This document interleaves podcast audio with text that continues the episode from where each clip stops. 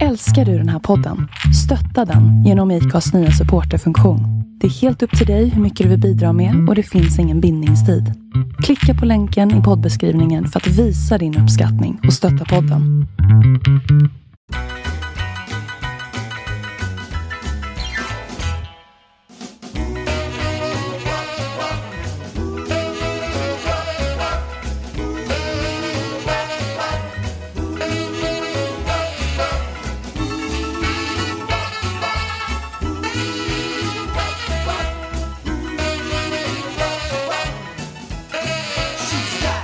Hej och varmt välkommen till Pinup-podden med Celine Bonoir och Sophie Q. Mhm. Och idag så har vi ju faktiskt en gäst med oss. Ja, En gäst, det är som, så spännande tycker jag. ja, en gäst som vi inte ens har träffat någon av oss. Nej, Nej. det är verkligen så här okänt territorium just nu känner jag. Att Ja, verkligen. Och superspännande att få höra allt det här. ja, Men jag har ju faktiskt skrivit lite grann med den här personen. Och det var ju så att Mm. jag sökte en burleskdanskurs. mm. Och då svarade Lady Rivet mig. ja. Det är ju dig vi har med idag. Välkommen! Tack snälla. Så himla roligt att du ville vara med och Ja, prata lite ja men superkul. Det känns ju som ett roligt format att vara med i Pinup-podden. Ja, men precis. Klart man ska vara med i Pinup-podden. Klart man ska det, ja, visst. Jaha, Så- nu fick jag en gäst här igen, men eh, jag fick, vi fick en till gäst som vanligt. Hon brukar vara med lite, komma in någon minut i taget ibland.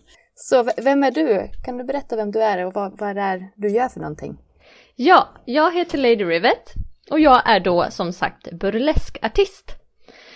Så kabaré, kabaréartist, eh, burleskartist, jobbar lite som konferencier och sjunger lite och eh, producerar lite klubbar, undervisar lite, eh, multitaskar en hel del så att säga.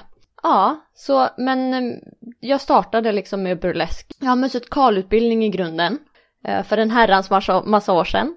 Mm. Eh, och så har jag hållit på med burlesk i ungefär, det är tioårsjubileum nästa år räknade jag just ut. Mm. Så att det måste ju firas. Får jag hoppas att man har lite bättre förutsättningar att fira nästa år då än, Ja, än i år. Ja. Oh ja, oh ja, oh ja. Oh ja. Ja. Okej. ja. Hur, kom du in på burlesk? Ja, jag som sagt hållit på med lite musikal, lite dans, eh, lite sånt. Showig Ja. kan man säga. Och har väl alltid dragits lite till det här showiga och sensuella. Och den här vintage-estetiken. Jag tror att det var Christina Aguileras album Back to Basics typ 2016. Nej, 2006 naturligtvis. ja. Ehm, som fick mig att börja titta på den här pinup-estetiken då, vintage-estetiken, eh, retro-glamour. Eh, började liksom googla upp bilder på Marilyn Monroe och så vidare, intressera mig för ja, men pinup-estetik och eh, Mm. vintage-glamour. Och ehm, sen läste jag faktiskt en eh, artikel om The Amazing Knicker Kittens, Sveriges första burlesktrupp. Och bara, men det är ju det här jag har sökt, jag har bara inte haft ett namn på det. Så då hittade jag ju den här konstformen helt enkelt. Det här eh, Hollywood glam showgirl extravaganza eh, grejen som jag liksom någonstans Mm. hade sökt. Och eh, då började jag följa deras nyhetsbrev. Och så när jag ganska lagom till att jag hade gått klart min första musikalutbildning så sökte de nya medlemmar och jag sökte och så kom jag med. Och så var det bara att flytta till Stockholm och sätta igång med, med det där. Så jag började som eh, Chorus Kitten i The Amazing Knicker Kittens Burlesque Aha. Review. Oj! Ja, så att jag, jag började liksom med, med de största på en gång kan man säga då, som liksom, ja men lite bakgrundsdansare.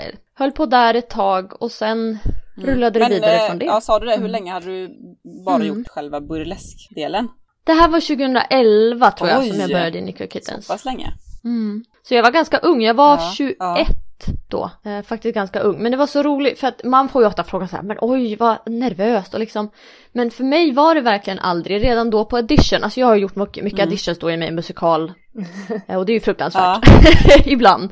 Och ibland jätteroligt. Eh, och det här var ju verkligen en sån gång då jag så här kände mig redan på en gång väldigt hemma. Jag, jag, när jag väl fick testa burlesque så kände jag verkligen att ja, precis. Jag visste ju att jag skulle älska det här. Ja. Kände mig trygg direkt i konstformen och sammanhanget och och eh, jag var även den helgen var jag även på en av Nicka Kittens eh, burleskklubbar så det var första gången jag själv gick på en burleskklubb Mm. också och bara storm, stormtrivdes. Alltså jag tyckte Ja, att det var Men alltså, fantastiskt. alltså jag, jag känner bara själv, jag tycker det är skitcoolt. Jag, eller min första burleskvala, jag gick ju och kollade 2018 så det var inte alls så länge sedan.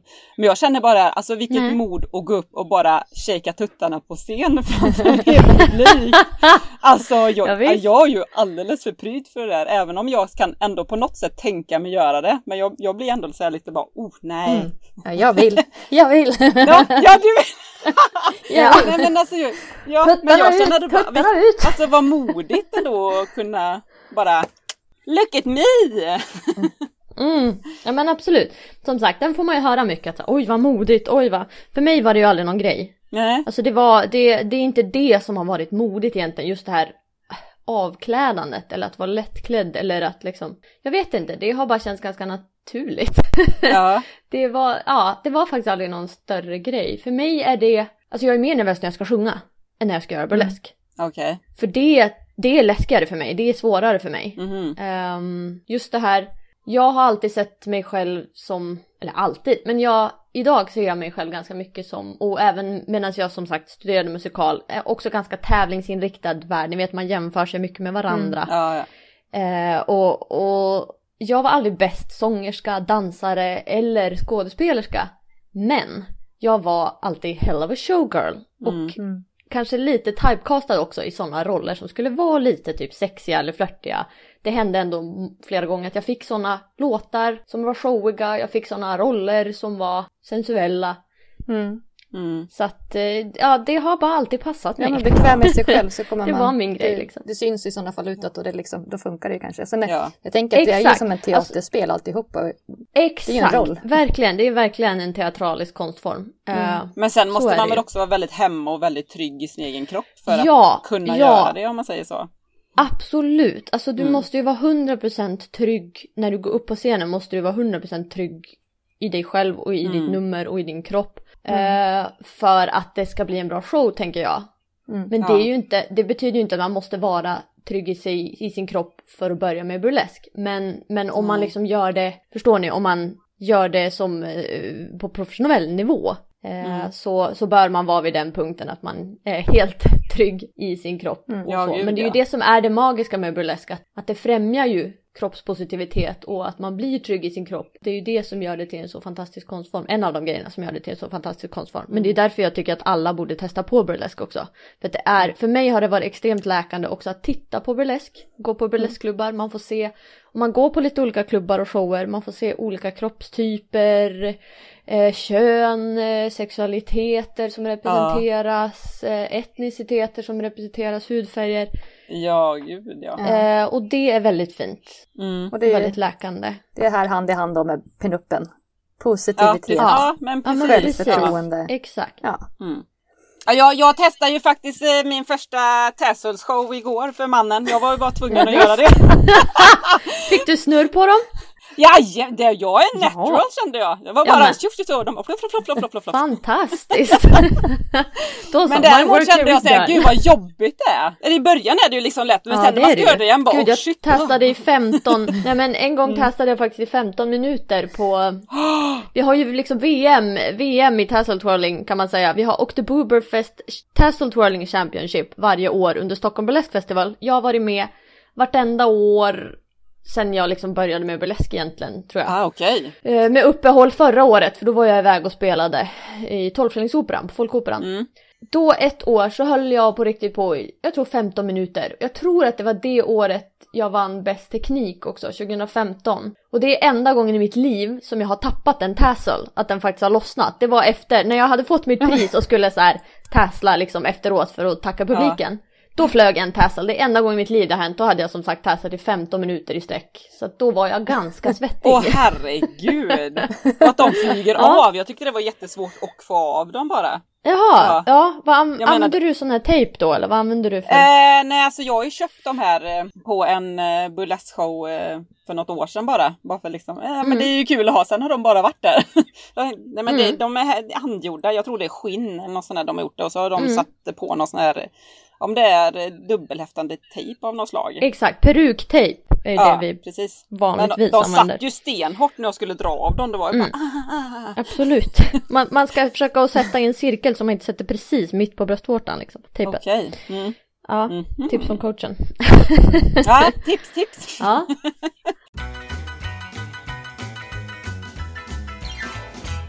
Jag, nu när vi ändå är inne och pratar lite grann om det här med sa- saker Mm. och kläder och Mm. sånt där. Jag tänker så här, det verkar som att det mesta är handgjort. Men finns det eh, alltså butiker eller finns det webbsidor eller vart köper man kläder? Var kommer kläderna ifrån?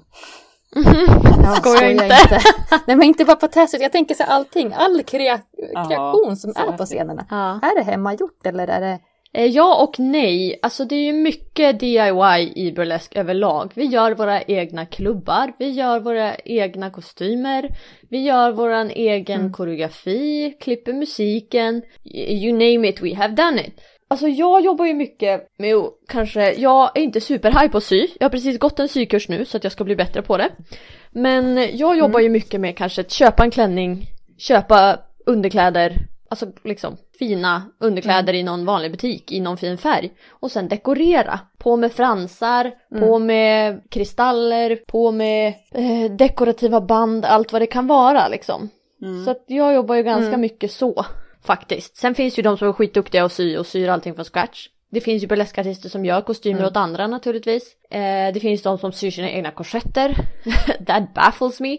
Ehm, så att det är Mm. väldigt mycket DIY. Mm. Inte så jättemycket kanske köpa färdigt men också så här Ja som sagt en mix av att man kan köpa enklare grejer och dekorera. Det funkar ofta ganska bra. Och göra om till exempel sätta in en ny dragkedja så att den blir öppningsbar ett plagg så man lättare får av det. Eller sätta nya spännen så att man liksom tänker till kring hur ska jag få av med det här plagget. Det är ju mycket den konstruktionen vi får jobba Ja, med. precis. Det måste Men- ju vara lätt men, att bara eh, kasta av sig kan jag tänka mig. Ja. Ja, ja men Ja. precis.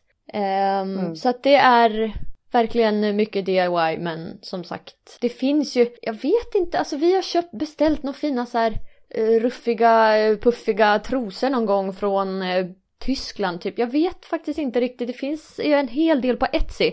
Finns ju artister som gör, till exempel Tallulah Mm. Blue vet jag. Eh, Glorious Pasties är ju en annan fantastisk eh, kreatör. Ehm, det finns ju lite olika, om man söker på Etsy efter burlesk, så, alltså stavar det med den franska eller Mm. engelska stavningen, Mm. så, så kommer man ju liksom få upp en massa. Så det är ju det bästa tips jag kan ge. Etsy är din vän. Och då vet man ju också, Etsy är ju, då får man ju grejer som är gjorda av, ja men man, man supportar mindre kreatörer. Och det är ju Mm. väldigt nice. Mm. Eh, Det är ju viktigt. Yes. Om man liksom ändå ska handla kanske man kan då investera och köpa någonting lite dyrare och så får man någonting som någon faktiskt har gett tid och kärlek. Eh, Ja, visst. Istället för att köpa liksom, Mm. ja men, ja. Men med det sagt, det är klart att jag har beställt grejer från Ebay också som jag använder. Ja. Ju...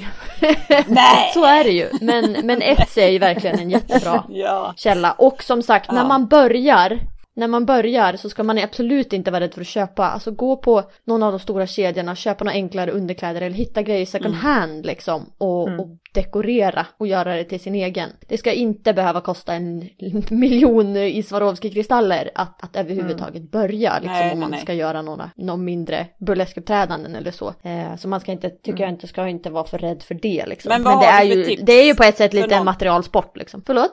Ja, nej, vad har du för tips för någon som eh, liksom skulle vilja testa fast liksom kanske inte riktigt vågar och bara, aha, nej men hur kommer man in i det? Om man bara, ska man söka upp någon Ja, bara, hej, det- jag, kan du hjälpa mig? nej men, är ditt tips? Nej men det man ska göra är att gå en kurs såklart. Det är ju där man ska Mm. börja, som med allt annat. Ja, Mm. Ehm, alltså det finns, vi är ju flera stycken som undervisar i burlesk. Det finns ju Stockholm Burlesque eh, Academy. ja, Burleskakademin heter det. Jag vet inte varför jag sa på engelska, konstigt. Uh, Burleskakademin finns. Ehm, där har jag själv gått en gång i tiden. Jättebra Ja. skola. Eh, Mrs Murphy, eh, Miss Diamond har ju lite kurser och grejer också. Mm. mm, Ehm, finns väl en del i Göteborg också. Mm. mm, Så, men det man kan göra är ju annars att så här, kontakta sin lokala burleskklubb om det finns en sån och fråga är det någon som undervisar. Eller så hör man helt enkelt av sig till mig för jag reser gärna och har eh, kurser och workshops och grejer så att det, det är Mm. bara att ringa mig så att säga. ja. DM Och det var ju synd att inte den kursen jag. blev Ja. Det var synd. Ja, men den blir det ska av. Den Ja. blir av men den blir bara längre fram på grund av Ja, rådande omständigheter. Liksom. Jag får la se om jag vågar mig dit till er. Ja, det, tycker jag. Det är klart. ja, alltså kurser ska alla gå tycker jag. Det behöver man inte Mm. känna oj shit jag vågar inte göra det här på scen. För det har inte med varandra att göra. Alltså det första Nej. steget är att utmana sig själv att så här våga testa på. Och då är man ju, Mm. man kommer ju vara en mindre grupp. Eh, och man, jag menar, jag är väldigt tydlig på mina kurser, det är, jag förväntar mig aldrig att någon, jag kommer aldrig tvinga någon att göra någonting som den inte är bekväm med naturligtvis. Allting sker ju såklart Nej. på frivillig basis, man ska aldrig känna att så här, oh shit, jag är inte bekväm med att testa tassel twirling. Nej men då gör du inte det. Men eh, de flesta brukar vilja testa det, för att det är väldigt kul. Såklart. till exempel. Så att eh, jag försöker bygga mina kurser väldigt mycket på att det ska vara ett safe space att vara i liksom. Mm. Så att eh, gå en kurs, definitivt, steg ett. Mm. Då när jag anmälde till kursen som vi skulle ha, Mm. då skickade Mm. du ut ett mail med massa så här olika personer som man kunde följa för att få lite, ja, men lite inspiration och sånt där. Jag tänker, hittade Mm. du inspiration från någon speciell person eller? Ja, jättebra, jag tänkte precis fråga det. Mm. Absolut. Det är fint. I Sverige är vi ju ganska tight knit community. Vi känner ju varandra allihopa för vi är så pass få artister som håller på Mm. eh, lite mer professionellt. Så att såklart får man ju inspiration av varann, av liksom att se varann och, och umgås med varann och så vidare. Eh, och också, hela mitt Instagramflöde är ju bara nakenbilder liksom. det är ju bara olika burleskartister Men du vet, bara, det tänker av... jag nästan på som eh, när man är ja, pinuppa som man är, att Instagramflödet, det tänker jag ibland när man Ja. sitter på jobbet och alla exakt. gubbar runt om bara, vad Ja. tittar du på? Ah! Not safe for work! Hejdå! Nej men visst. Är det sidan av livet? Mm. Ja men så är det ju. Så det är Ja. klart jag tittar på, på andra artister. Jag har ingen specifik tror jag sådär som bara åh det här är min största inspiration. Men det är ju alltså en väldigt bra grej är ju att gå workshops. Jag försöker ju gå workshops. Eh, Stockholm Ah. Burlesque Festival har alltid workshops under sin weekend och många andra internationella burleskfestivaler också. När när Mm. brukar Stockholm Burlesque Festival vara? Eh, på hösten i oktober I oktober, okej. Mm. Ja, kan varmt rekommendera. Det är en fantastisk tillställning.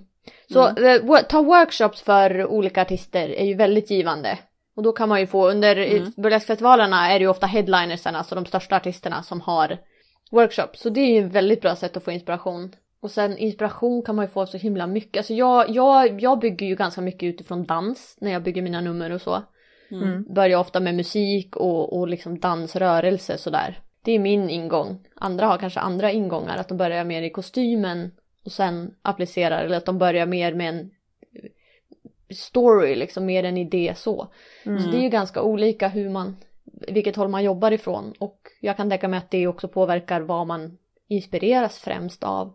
Mm. Eh, Men det finns ju otroligt många fantastiska burleskartister. Som sagt, jag ger alla mina nybörjarkursare en lista på artister som jag tycker att man kan kika in. Mm. För att få lite inspo och eh, förståelse för också den bredd som finns i, i den här konstformen. Också lite så nyckelpersoner i historien. Mm. Mm. Precis. Jag tänker också så här, musiken. Mm. Är, jag har ju aldrig gått på någon show överhuvudtaget. Jag tänker så här, Mm. det man ser på nätet, alltså oftast, det är det är en speciell musik. Är det liksom Mm, verkligen sånt. bara en genre, eller kan man ta modern musik och sätta in, eller hur, hur funkar det där? Gud nej, jag jobbar mycket med modern musik. Mm. Eh, till exempel. Jag gillar ju att mixa kanske ganska så här relativt klassiskt looking kostym. Alltså där Mm. showgirl-inspirerade. Ja. Eh, med modern musik. Så det finns absolut inga regler att musiken måste vara på ett visst sätt. När jag undervisar så jobbar jag ganska mycket med sån klassisk burleskmusik, alltså storbandsjazz egentligen. Sån här Mm. gammal swing, big band, swing och så vidare. Eh, Mm. Det är ju väldigt kul. Det är kul att ha koll på den musiken och liksom Jag menar det är klart att The Stripper är fantastisk att strippa till. Det säger sig själv. Mm. Ja, Men, men också så här, det är svårt att använda viss typ av musik och vissa nummer som till exempel The Stripper, Bumps and Grinds som är allra allra mest klassiska låtarna. Mm. Använda dem på scen för de har använt så extremt mycket naturligtvis. De är Ja. liksom theme songs för hela genren. Det blir lite kaxigt nästan att, att Mm. som ny artist så här, komma med The Stripper. Eh, som liksom har dansat av de det. största artisterna genom stjärnorna. Kanske därför, ska man, eh, kanske därför man ska göra det. Men eh, de största stjärnorna genom tiderna har liksom använt Ja. de här tunesen. ja. Så att man, man ska bara vara medveten om att när man går till, söker en burleskfestival till exempel så kanske men det är lättare att komma med om man inte använder de största, största låtarna Mm. eller så. För de har kanske använt så mycket och så vidare. ja. Mm. Eh, men, men alltså man ska ju absolut lyssna på den här musiken och dansa till den här musiken och jobba med den här musiken. Gör man ett företagsgig finns ju ingen anledning att inte använda den här musiken för den är så klassisk burlesk. Mm. Eh, Men, men det finns inget, alltså det finns ju metalesk, folk som håller på med liksom metal och rockmusik. Det finns ju folk som kanske blandar in element av hiphop eller voging i sin, sina burlesknummer. det var annorlunda. Ja, absolut. Ja, ja, ja. Alltså det finns ju verkligen, du kan använda vilken typ av musik som helst. Det finns inga regler för det, Nej. skulle jag säga. Definitivt inte om du inte vill göra superduper klassisk burlesk.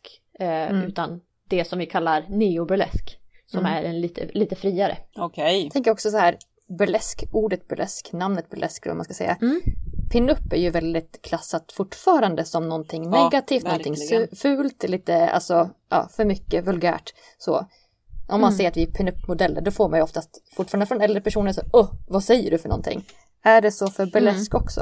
Alltså får ni, Ja och nej. En del vet ju inte vad det är liksom fortfarande. Så är det ju. Och en del är ju så här, jaha ja, burlesk, ja ja men då är det ju inte, då är det ju inte en strippa. Vilket ju också är fel, naturligtvis. Ja. Eh, så jag, alltså jag personligen har aldrig riktigt fått någon negativ eh, eh, bemötande. Jag får ofta så här, åh gud vad coolt, vad är det, mm, hur funkar det, eller liksom wow. Sådär. Så personligen eh, kan jag inte påstå att jag har fått så mycket negativt bemötande kring det, men... Eller jo, en del feminister kan vara lite så här, eh, hur funkar det här liksom? Jag har haft vänner också som har varit så här, oj jag vet inte, kul att du gillar det men jag vet inte om det är min grej. Jag bara, vet du vad, kom med mig på en klubb så ska du få se varför det här är feministiskt. Och de brukar då komma ut med jordens största leende och bara, this was amazing. För det är ju så. Ja. Burlesk ja. är ju en extremt feministisk konstform, eh, tycker jag. Och jag tror att alla svenska burleskartister håller med mig i det. Ja. De, de flesta jag känner och så brukar definiera sig som feminister liksom. Nej men jag, jag känner bara ap apropå det här med att ta med sig folk till eh, burlesk. Första gången jag Mm. var på burlesk nu, då hade jag med Mm. mig min svägerska och eh, en eh, nära vän. Och båda två var ju såhär, de, de visste ju inte alls vad de hade att vänta sig egentligen. Mm. Jag hade ju ändå lite såhär, ja men jag vet ju vad det innär liksom. Men en satt ju lite Mm. såhär halv nästan höll för ögonen, den andra var wow, wow! Exakt. verkligen så här, men båda var ju verkligen helt frälsta efteråt. Ja. ja men precis, och det är ofta så, det är det som är så roligt, att det är ofta kvinnor som är mest peppade. För Ja, män, män kan känna sig kanske lite obekväma att så här, oj gud får jag tycka att det här är bra eller är jag liksom, Ja, är jag, är jag liksom slemmig är jag då? om otrogen jag... nu? Nej. Ja men precis, får jag liksom, hmm, hur ska jag bete mig? Men Ja. om man går på en burleskklubb så märker man oftast väldigt snabbt att det är väldigt varm stämning där och folk förstår Mm. att så här, det, allting som är här inne sker med consent. Att det Ja liksom men det är... är konst också liksom. Ja, bara- det är en konstform, det är Ja. artisten som bjuder in till det som händer, det är liksom helt och hållet, det är ju alltid på artistens villkor. Om man, Mm. eh, om man då ska, jag kan ju ta det på en gång, skillnader och likheter med eh, strippklubb striptease inom citationstecken i brist på ett bättre ord på svenska. Ja, ja. Ehm, så ska man ju ha klart för sig att båda är striptease. Båda handlar om avklädnad och sensualitet. Det vi tittar på som strippklubb striptease är ju, det är ju, alltså burlesk i back in the days var ju föregångaren till dagens striptease. Så är det. Så det här hashtag not a stripper eller liksom någon slags slutshaming, det får inte förekomma i burlesk för att burlesks rötter är striptease. Mm. Burlesk är striptease. Och många, de flesta idag definierar inte burlesk som sexwork. Men, men strippklubb striptease är ju en typ av sexwork. Och, och ska man liksom skilja på det så kan man ju säga att, eller jag har hört en bra förklaring som jag tog med mig. Som är att eh, strippklubb striptease är ju en sälj och servicebransch. Det är en annan typ av bransch. Mm. Och då blir ju tänket kring det lite annorlunda. Att det är någon slags marknadskraft som styr och det är upp, mycket upp till den som tittar på. Hur, vad den ska betala för och så vidare och så vidare vad som händer. Medans eh, burlesk då är ju en typ av performing arts. Alltså det är helt Precis. utifrån artisten vad som händer hela tiden. Och den bestämmer ju helt fritt vad den gör och inte gör på scenen och så vidare. Så det är väl liksom skillnader och likheter. Därmed inte sagt att det ena per automatik är bättre än det andra. Nej, jag, det jag tänker både också så att eh, stri- eller striptease i sig, det är ju väldigt mycket, om man går på strippklubbar, det är ju för, då gör man det ju för mannens vinning. Alltså det känns som att det är ju Ja. enbart för män. Medan burlesk är ju, ja det är, ja, konst som jag sa innan. Så, så Mm. tänker jag. Ja. Ja, jag brukar säga det att i en, i en perfekt jämställd värld där det fanns lika många som arbetade med striptease som var män och kvinnor och andra. Och ah, ja men vi inte hade det här the male gaze överhuvudtaget, vi var helt jämställda. Jag menar sex är ju roligt, sensualitet är ju, är ju roligt, vi är vuxna människor liksom. Mm. Eh, I en sån värld så hade det ju inte varit något problem med, med striptease där, där allting skedde schysst och på lika villkor och eh, man gick och tittade på det för att så här, det här är vackert, det här är någonting jag uppskattar att titta på.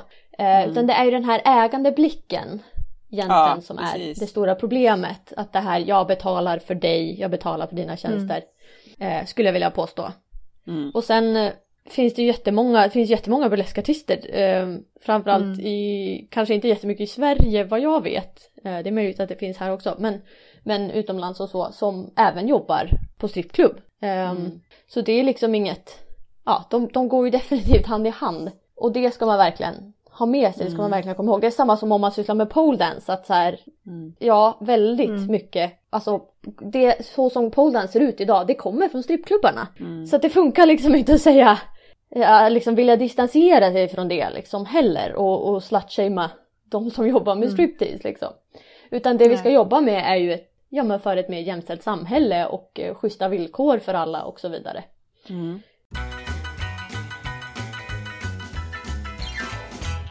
Så jäkla spännande att lyssna på det här, vet du det? Ja, ja, men det är det ja. Men hur, hur ofta har du shower? Eller hur ofta uppträder du? Ja men det varierar ju väldigt mycket. Ja, nu kanske det inte blir så mycket, men eh, Nu i vanliga fall. definitivt inte. I vanliga fall, alltså det har gått också lite perioder. Jag har ju också bott i Umeå ett tag. eh, Okej. Och då fick jag ju göra allting själv. Så att säga. Det är mycket som sagt, det är mycket DIY. Jag har ju ofta producerat mina egna shower också. Ehm, men det är väl kanske, alltså det beror ju på om man ska räkna med då de här liksom mindre sånggiggen och konferensgiggen och sånt jag gör också. Så, men kanske i snitt nu en, ett bra år, en gång i månaden. Mm. Eh, också i och för sig, om jag jobbar, nu jobbar jag ju på Melt Bar också. Så då får jag väl säga kanske en till två gånger i månaden i alla fall. Ehm, som är liksom gig. För eh, där, det är ju en 20-tals kabarébar. Helt Mm. enkelt. Mm. Kan man hyra dig för så här, eh, event och sånt också eller? Man kan hyra Ja. mig för allt. Eh, definitivt. Event, Ja. födelsedagsfester, eh, möhipper, Ja, men precis, jag har aldrig haft ja. någon svensexa. Jag tror folk vågar inte boka det till, boka det till svensexor. Men det hade varit så Nej. kul att få ha en burlesk workshops på en, på en svensexa. Eh, Ja. alltså, ja, precis. På testen! Exakt. Det går alldeles ut, men man behöver inte ha bröst för att testa twirla. Alltså det kan göras av alla kön. Ja, nej, nej. Eh, alla- nej, nej. Jag, jag såg en väldigt skäggig man på en av showerna jag har varit på. Det gick Ja, jättebra. alldeles utmärkt. Ja, visst. Absolut, så är det. Det är inte, inte en könsbunden konstform. På Ja. något sätt. Jag tänker en annan Så fråga alla, som jag har. definitivt. Har du något, du något så här favoritnummer eller favoritminne eller någonting sånt där? Favoritshow som du Oj. har haft som du bara, den där, det var verkligen wow. Ja, jag är väldigt stolt över min stora festivaldebut eh, på, alltså som solartist. Jag har gjort mycket festivaler med, med min grupp Vaudevillens Burlesque Variety.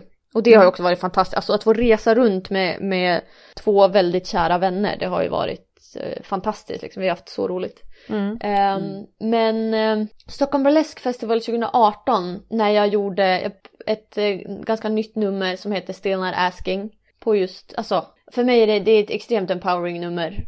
Ehm, och ja, jag var så stolt över att vara, vara med i den line-upen och vara med på den festivalen som solartist. Och ja, det var, och jag hade just innan gjort en workshop med, med Chris O, så jag var verkligen fantastisk dansare. Så jag var verkligen eh, peppad och i min karaktär och kände mig så liksom empowered när jag skulle göra mitt nummer. Och det... Mm. Ah, det var verkligen ett sånt moment och man hinner njuta av att vara på scen. Ibland hinner man ju inte det på samma sätt. Man är inte i sig Nej, själv på nej. samma sätt. Men, men det var verkligen ett sånt moment och jag hann uppskatta på något vis att wow, jag är här, jag gör det här liksom. Har, har du några bilder från den, den eh, Mm. showen? Ja. Oh ja, jag tror det finns på min hemsida till och med. Jag tänkte om det är någonting vi kanske kan få dela sen på våran, på poddens sida. Självklart! Det ska vi lösa. Ja, då får du skicka över lite bilder sen. Mm. Eller om vi tittar om Ja, vi men det är hittar. klart. Det ja, Ja, visst. ja, en annan sån här, om man säger burlesk till alltså en vanlig Svensson, om man ska, nu ska säga det, då tänker de så här Mm. på filmen med Cher. Ja. Ja, Ja, I know.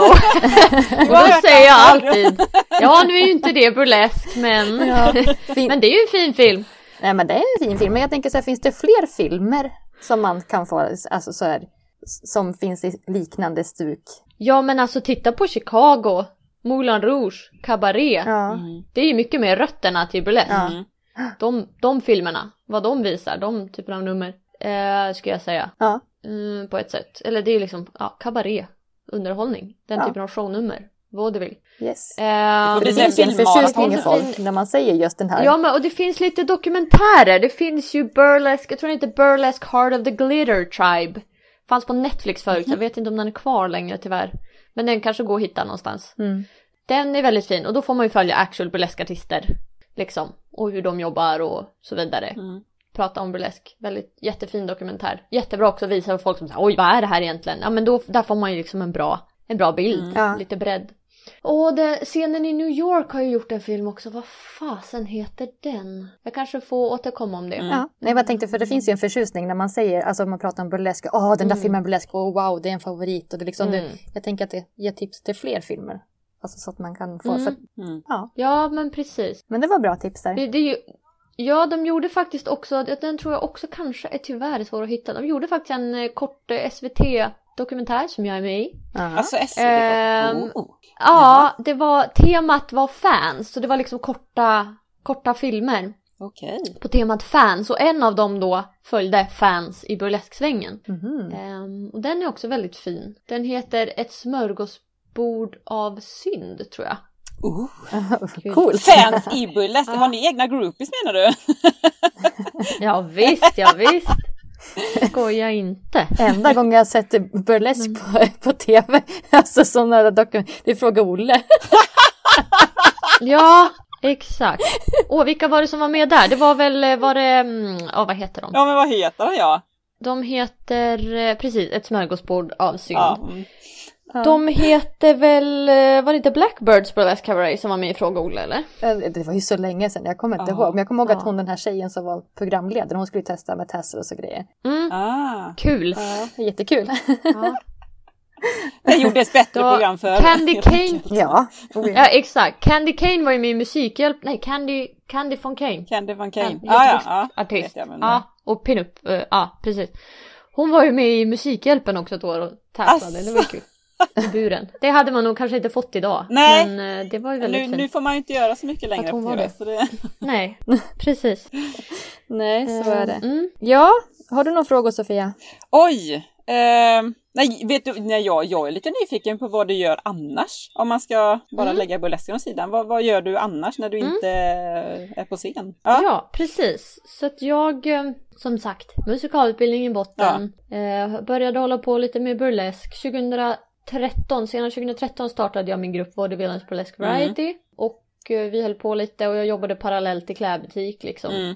Och eh, ja, men, hade startat då eget företag och så vidare. Eller startade 2015 eget företag och vi gjorde lite klubbar och grejer. Okej. Och sen eh, så var jag i Umeå en sväng också. Jobbade klädbutik och startade en urban och feministisk klubb uppe i Umeå. Jaha. Som var väldigt kul.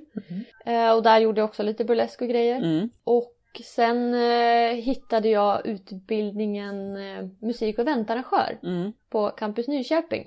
Så jag tänkte att ja, men det enda som är nästan lika roligt som att stå på scen är ju faktiskt att jobba runt omkring, eh, producera shower och så vidare. Ja. Så att, eh, jag gick den, flyttade tillbaka till Stockholm och gick den utbildningen. Och eh, jobbade sen faktiskt på bokningsbolag i livemusikbranschen. Och var iväg som sagt ett drygt halvår och skådespelade Mm. under hösten 2019. Jag brukar skryta med att så här, nu, jag har jobbat med Lennart Jäkel. Nu, det är liksom det största.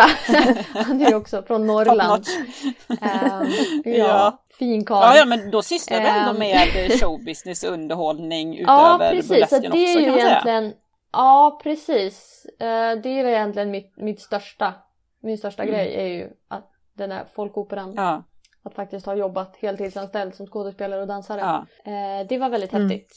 Men sen såklart kom ju corona så att då Ja. försvann ju mitt jobb i musikbranschen som jag skulle gå tillbaka till efter teatern. Mm. Liksom. Det, det försvann ju tyvärr. Så att nu eh, är jag igen, dels har jag då mitt eget företag där jag jobbar lite ja men undervisar som sagt, eh, showar, eh, producerar olika typer av klubbar och spelningar och så vidare. Och så har jag precis börjat jobba på Nudie Jeans, ekologiskt eh, sustainable jeansmärke, Mm. svenskt. Mm. Så att eh, det är det jag gör just nu utöver, Mm. utöver det här. Okej. Jag Mm. tänkte corona, det, jag har sett i andra länder instruktörer som kör Mm. internetbaserade kurser och sånt där. Är det någonting som Sverige kanske kommer Mm. att haka på om det inte liksom s- Ja, släpper? precis. Jag har tänkt tanken så mycket. eh, jag gjorde ju några små workshops digitalt i våras. Okej. Jag tror de ligger kvar. Ja, de ligger nog kvar på Facebook. Om man vill prova på så kan man in på min Facebook, Lady Rivet, Oh, och eh, kolla där. Så borde videosarna ligga kvar faktiskt med lite moves. Kul! Eh, det kan man, ja, in och testa. Ehm, och sen, jag gjorde ju två streamade shower också. Det var ett jävla hästjobb kan jag säga. Så det är ju om i första taget.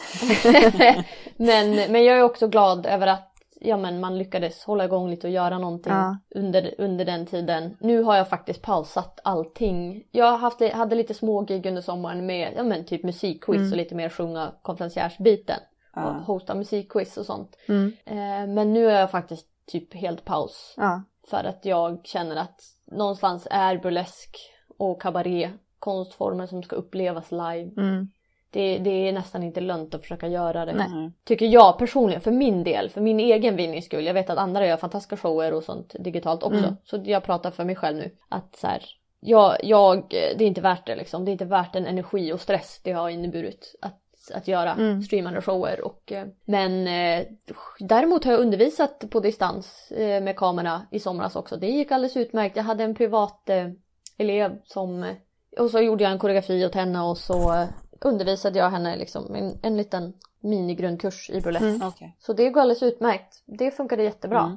Undervisa är mycket lättare att göra skulle jag vilja påstå än, än shower. Ja. Tycker jag personligen. Så det är återigen bara att höra av sig. Ja, precis. finns Ja, och vi, ska, vi måste lägga upp sen också vart vi kan hitta dig någonstans. Instagram och Facebook Ja, kan man hitta din, precis. din sida, eller dina sidor. Absolut, det är bara att söka Lady Rivet. Jag heter samma överallt. Hemsida, Facebook, Instagram. Ja. Mm. Jag tänkte höra, alla, har, alla burleskdansare känns som, de har ju sina egna nischer på shower ibland. Har du någon, har du någon Mm. speciell show som du har kommit på som du gärna återkommer till då och då under årens lopp? Eller gör du olika shower för olika år? Eller hur brukar du lägga upp Tänker det? du nummer nu eller? Eller ja men precis! Ja, di, nej, din, dina egna nummer om man säger så. Mm. Alltså man gör ju, om man gör ett nummer så är ju målet att kunna använda det så många gånger som möjligt. Ja. För det är ju så väldigt mycket tid, energi, pengar Precis. som går in ja i men det är det ett jag nummer. tänker, det är så eh, mycket kostnad för och kläder vidare. och Så att- allting, tänker jag och sånt också. Exakt, så det är väldigt sällan man gör ett nummer så här, det här ska jag göra på det här och sen aldrig mer. Nej, eller liksom. Och sen, man, målet är alltid att man ska kunna göra det flera gånger. Mm. Och sen eh, om det inte är någon som betalar väldigt bra och vill ha något special, då tar man ju såklart fram det. det Ja, är ja, inga problem. nej. Men, men jag har ju, alltså man, man bygger ju upp sin repertoar kontinuerligt egentligen. Mm. Eh, Jag höll på ganska länge i början hade jag inte så många nummer alls. Nej. Eh, och jag menar det första nummer jag gjorde som verkligen ja, men var ett, eller egentligen nej, båda de första numren jag gjorde använder jag fortfarande. Ja, Fast gör det? i- jag har ju uppdaterat dem såklart Ja. över åren. Ja. De ser inte alls likadana ut. Men jag använder samma nummer, eller versioner av samma nummer. Och det är ofta så man gör. Man gör ett nummer och sen uppgraderar man efter tid, kanske både kostym eller koreografi eller Mm. så vidare. Mm. Så det är ofta mycket så Mm. man jobbar. Mhm. Men om man nu alltså vill gå och titta på en sån här show, då är det alltså Stockholm, Göteborg och Luleå. Är det där? Ja, jag vet inte om någon gör så mycket i Luleå nu längre heller. Lady Francesca har flyttat därifrån. Mhm. Eh, och LJLM också. Det är tur att vi bor nära Stockholm och. Göteborg här nu då. Men jag är ju rädd för precis, Stockholm. Verkligen. Eller nära, nära. Tyvärr är det, det är inte så mycket i, i Luleå. Och jag har gjort lite mindre grejer. Alltså jag har gjort någon burleskklubb i Umeå. Eh, och som sagt så hade jag den här urbana och feministiska klubben där vi hade burlesk Mm, också. Men eh, just nu är det inte så mycket Norrland. Det får vi väl försöka ändra så småningom. Mm. Mm. Så där kan det ju vara mer värt, alltså där kanske man liksom, vill man ja, ha en större fest så är man ju varmt välkommen att arrangera det. Jag har ju uppträtt på 20-talsfester och sånt till exempel. Och så bokar man bara in en burleskartist. Helt enkelt. Jag kommer Ja. gärna, så jag är ju från Umeå. Så det, är, Ja. det är väl lite mer så liksom. Det, är- det är ganska, alltså lite svårare som arrangör kanske. Mm. Att göra stora grejer i Norrland. Det är i sådana fall får man göra lite mindre Ja. grejer. Ehm, för ja, det är ju ganska nischat liksom. Därmed inte sagt att det är omöjligt. Fan det är klart att vi ska kunna hitta på något mer klubb i Norrland och så. Men eh, jag tror, och Varsbohon då? Karlshamn? finns det väl lite. Karlstad, Karlshamn, Ja. Karlshamn tror jag. Eh, I Skåne finns det lite också, vet jag. Finns ju Ravishing Bird Burlesque bland annat. Mm. Ja. Men det är ju typ The Velvet i Göteborg är ju den stora. Mm. Liksom. Ja. Och eh, sen är det ju väldigt koncentrerat i Stockholm alltså.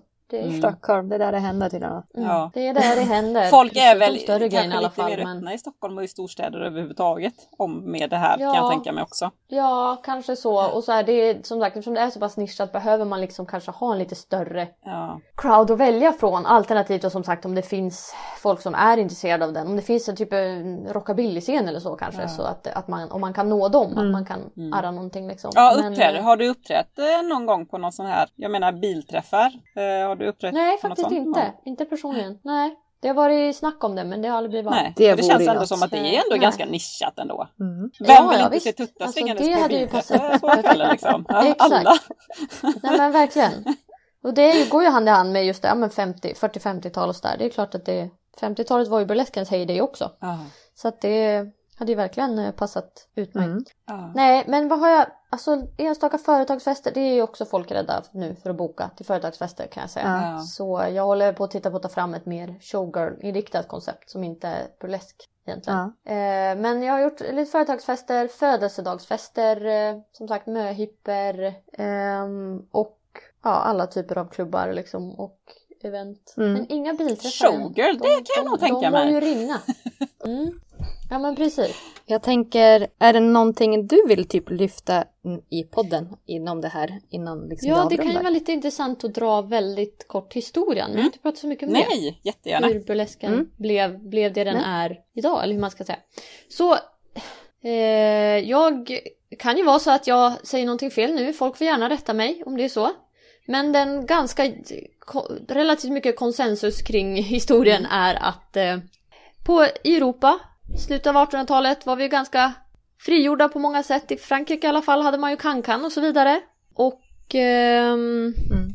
det kom en grupp som hette Lydia Thompson and her British Blondes åkte över till USA och började sätta upp spoofer på grekiska pjäser.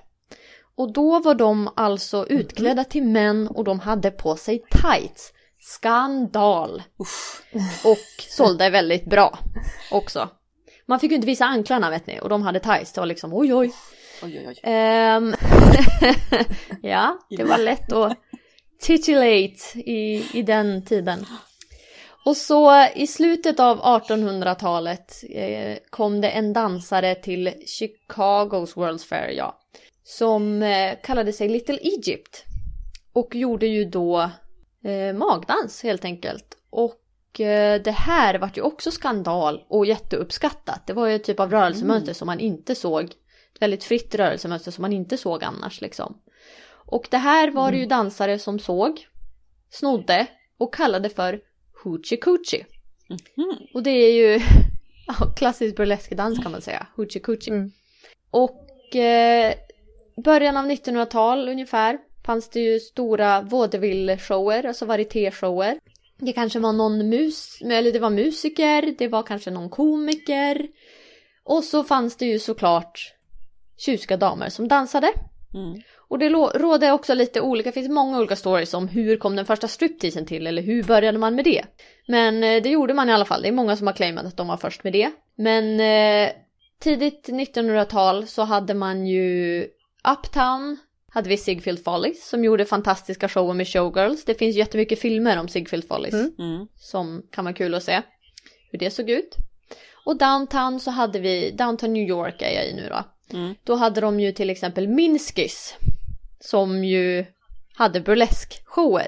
Och de blev ju eh, raided av polisen gång på gång. De blev nedstängda under 30-talet. Det blev förbjudet att använda ordet Minskis. Mm. Men uptown fick tjejerna vara hur lättklädda som helst. Det var inga problem. Downtown, not so much. Och då hävdade de att skillnaden var att uptown rör de sig inte. De är tableau vivants. Alltså det är fin Ah. konst. Medan downtown var det väl mer hoochie coochie. Och det var inte fin konst. Nähä. Stor skillnad. Ja, så att, ja precis. Så att um, burlesken kämpade på, kan man säga, Ja. i, i, i början av 1900-talet där. Och sen eh, efterkrigstiden, då blomstrade det ju riktigt bra. Det är liksom golden day of burlesque och det var jättestort över USA. Många typer av dansare som reste runt både i USA och i världen och uppträdde. Eh, bland annat Tempest Storm, Jenny Lee som startade Burlesque Hall of Fame museumet och eh, Burlesque Hall of Fame Weekender, Mm. så typ Mm, VM mm. eller olymp- olympiska spelen Mm, i mm. burlesk som pågår varje år. Ehm, ja, det fanns många, många stora dansare som höll på då. Mm. Och, eh, och såklart eh, inte att förglömma Josephine Baker som gjorde första riktigt sådär megakända svarta Ja. artisten i, i USA. Hon åkte ju till Frankrike för att av naturliga skäl, Ja. det här var ju liksom Henne 20-tal. känner väl de flesta Ja. till hoppas jag. Eh, Ja, precis. Ja, man Mm. hoppas det. Mm. Så att hon som skapade den här fantastiska Mm. banankjolsdansen Ja, vackert. och blev en jättestor stjärna i Paris. Eh, till exempel. Så det är några historiska nedslag.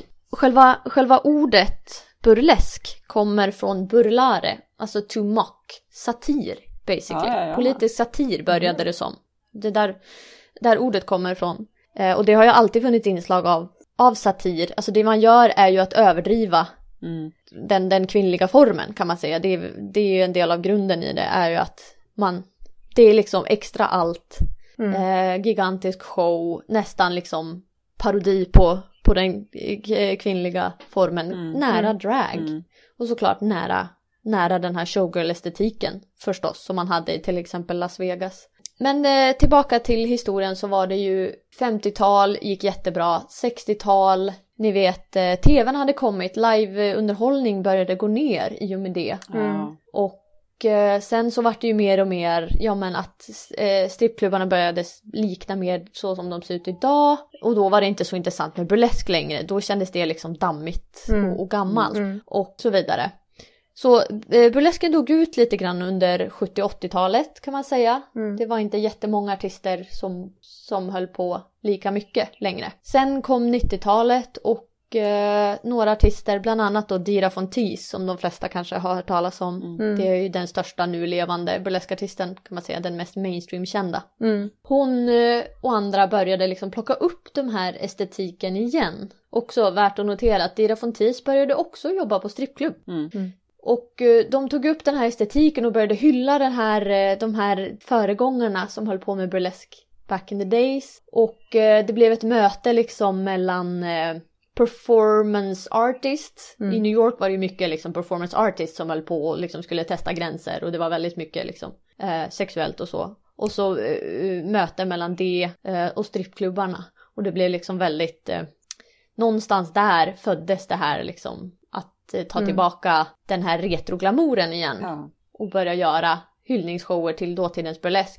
Och det spred sig över USA igen och det spred sig tillbaka till Europa. Idag har ju liksom varje europeisk stad med självaktning en burleskfestival. Det finns väldigt många. Mm.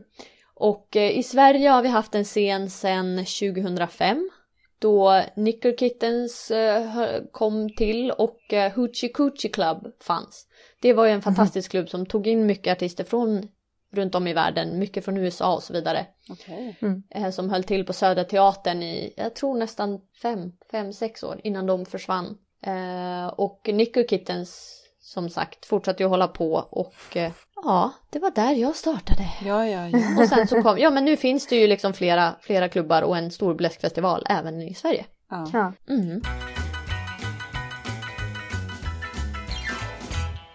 Har, du, har du bara uppträtt i Sverige eller har du uppträtt i olika länder också? Med min grupp Vaudevillen så har jag varit i Oslo, några gånger i Tyskland, Prag. Mm. Mm, det var nog det. Vad är skillnad på ställena egentligen? Jag menar det måste ju vara väldigt stor skillnad på publik, hur de ser på burlesk, kan jag tänka mig. är det inte det? Nej, nej, inte, nej, i och med att det är burleskfestivaler jag har varit på. Ja, det är klart. Alla är bara, burleskfestivaler. Så alla är väldigt peppade, alla är väldigt uppklädda, det är väldigt härlig stämning. Ja. Det har varit min, min upplevelse alla gånger. Okej. Ja. Eh, För burleskfestivalerna, om man liksom lyckas få till en burleskfestival i en stad så har man nog nått en publik som är genuint intresserad Ja. och fattar vad det går är ut på liksom. Ja. ja, det var väldigt lärorikt måste jag säga. Skoja inte. Ja, kul. Det är nästan person. så jag faktiskt blir lite sugen. Nästan. Ja, men det är väl, inget, säg det är väl inte ens en diskussion. Det är väl klart att du ska prova på. Ja. Som sagt, det är ingen som kommer jaga upp dig på scen att du måste av dig framför folk. Ja, nej, nej, nej. testa för din egen skull för att utmana dig själv. Ja, jag testar så får se om Jimmy skrattar igen. Han skrattade lite igår kväll när jag försökte svinga på dem. Men det gick ju bra. Ja, Ja, det är Ja. bra det. men vi får, vi får testa nästa kurs då. Då får jag väl eh, se till Ja, att mm, eh, det ska komma du. då. Precis. Jag kör upp. Ja. Ja. Det var jätte, jätte intressant, verkligen. Massor med Ja. fantastisk information och historia och allting. Jättekul. Ja. Ja. tack så hemskt mycket att du ville vara Kul att med. vara med. Tack så Mm. jättemycket. ja, men självklart. Så kul Ja, att eh, prata om detta och få lite mer information om just Ja. burlesk. Jag vet att det är många som har efterlyst det också. Kan inte bara prata lite mer om Mm. burlesk? Ja, Vi men, och det, då tackar jag ju för att ni liksom tar in en tar in mig som faktiskt har gjort det här i många år. Ja. Eh, och, och prata om det. Mm. Eh, för det är ju också, det finns ju en liten så här Ja, folk, alltså det händer ju också, en liten pet peeve för mig är ju att, jag menar folk har sett den här filmen Burlesque och så, Mm. Åh, sätter de ihop en danskurs och så kallar de det för Burlesque till exempel. Ja. Mm. Och det är ju så här, då har man inte förståelse för konstformens rötter och så vidare. Och jag tycker att det är så himla viktigt att man respekterar, och det gäller ju alla konstformer, alltså superviktigt och särskilt, jag menar om vi, det finns ju en gigantisk diskussion om eh, eh, cultural appropriation man kan ta också, eh, som vi inte ska ta just nu. Men, men liksom, alltså att respektera olika sorters konstformer om man vill utöva dem och, och deras rötter och så vidare, det tycker jag är så himla viktigt. Mm. Och man kan inte göra burlesk utan striptease eller någon form av kommentar kring sexualitet. För det är liksom roten till burlesk. Det är inte en dansform. Det är en specifik konstform. Det behöver inte vara för alla. Men, men just därför tycker jag inte att man ska använda burlesk om det inte är burlesk. Nej. Eh, och man ska framförallt se till att man har förståelse för vad är Vad är konstformen? Ja. rötterna. Sen kan man ju såklart göra burlesk-inspirerade grejer. Men, men, men då ska man ju säga att det är det det är, då ska man inte kalla det för burlesk Ja. tycker jag. Jag tycker det är väldigt viktigt faktiskt att eh, inte... För det kan också göra, jag menar det, det kan ju underkatta oss som jobbar som burleskartister om folk gör shower till lägre priser. Mm. Eller om folk gör eh, shower som de kallar burlesk som inte är burlesk. Då får folk kanske en annan bild av vad är burlesk och så kommer det en burleskartist och gör burlesk och folk blir helt chockade. Oj, tar du av dig kläder? Hjälp, vad gör du? Det här var inte vad vi trodde. Eller liksom, förstår ni vad jag Ja. menar? Att, att man, det burlesk är, det som gör burlesk just burlesk Mm. eh, är att det innehåller någon form av avklädande och slash eller kommentar kring sexualitet. Det är det det bygger på. Det är en konstform för vuxna, av Yes. vuxna. Ja, så är det. Ja, ja, ja. Jättebra. Nu Ja, hoppas ja. vi att folk har fått Ja, väldigt så jag mycket tackar verkligen för att eh, ni tog med mig. Ja, precis. Och som sagt, alla, jag tycker alla ska testa burlesk. Jag tycker Ja. att det är jättenyttigt att gå en kurs bara för sin egen skull. Bara för att det är kul, bara för att utmana sig själv. Det är verkligen jätteläkande upplever jag och många andra som, Mm. som på något sätt har utövat burlesk. Att Ja. det, och gå på klubbar liksom och titta Mm. på. Det är en väldigt fin atmosfär, det är väldigt eh, givande. Ja, verkligen. Mm. Det kan vi ha nu, för det här programmet det kommer ju sändas på självaste nyårsafton. Så det kan vara nya nyårslöftet nu då. Oj. Gå på burleskkurs. Ja, visst! Gå på burleskkurs Utmana dig själv. 2021!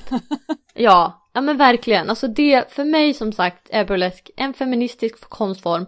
Väldigt viktigt också att nämna, det har jag inte pratat så mycket om, väldigt Nej. viktigt att nämna att det är en queer konstform. Att Ja, alla är välkomna eh, och det är många olika eh, typer av personer som utövar burlesk och som sagt det ligger nära drag och Mm. så vidare.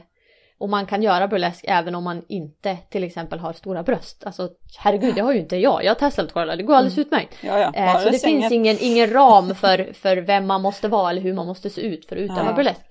Eh, och det är väldigt många, finns väldigt många queera artister som är väldigt drivande i scenen. Mm. Så, för mig är burlesk verkligen en feministisk konstform. Det handlar väldigt mycket om kroppspositivitet. Det handlar om att ta tillbaka den kvinnliga och den queera sexualiteten. Från att vara ett sexuellt objekt, ni vet sälj, tjej med, sälj grej med tjej, eh, till att bli ett sexuellt subjekt. Att själv få äga sin sexualitet, sin historia, sin kropp, ta mycket plats. Och som sagt, viktigt att notera att det också är en väldigt queer konstform. Väldigt många queera personer som Ja. har varit drivande i scenen både historiskt och idag. Och det finns plats för alla. Man behöver inte ha ett visst kön eller se ut på ett visst sätt för att utöva burlesk. Nej. Och Mm. eh, alla borde testa. Ja! Ja!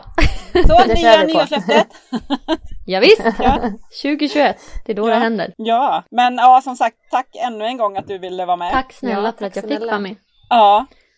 Ja, jag hoppas att eh, ni alla som lyssnar eh, finner att det här var givande och att eh, ja, ni tar till er det och Ja, och man får jättegärna höra av sig till mig med frågor. Om det är något ja. Mm. som man inte förstår eller något som man tycker jag har sagt fel eller något man vill diskutera eller undra Mm. kring. Jag diskuterar Mm. jättegärna och tar jättegärna in perspektiv. Så det är Mm. bara att höra av sig och ställa frågor. Och det var vidare. Lady Rivet både på Facebook och på Instagram Ja, precis. Facebook, Instagram, hemsida har jag. Mm. Så det är bara att Mm. höra av sig. Och särskilt då såklart Lady om man är sugen på att testa. Ja. Och det är Ja, vi visst. alla nu! ja. ja. Nej men tack så hemskt, hemskt mycket. Och som vanligt så kan ni ju gå in på Pinup-podden Facebook och Instagram också. Om det skulle vara någonting, om ni undrar någonting eller vad det nu var hon hette nu igen då. Hur stavar man? Så hör av Ja. er. mm. Tack så hemskt mycket och eh, gott nytt år får vi säga Ja, då. gott nytt år. Vi ska göra nästa då, champagneglasen.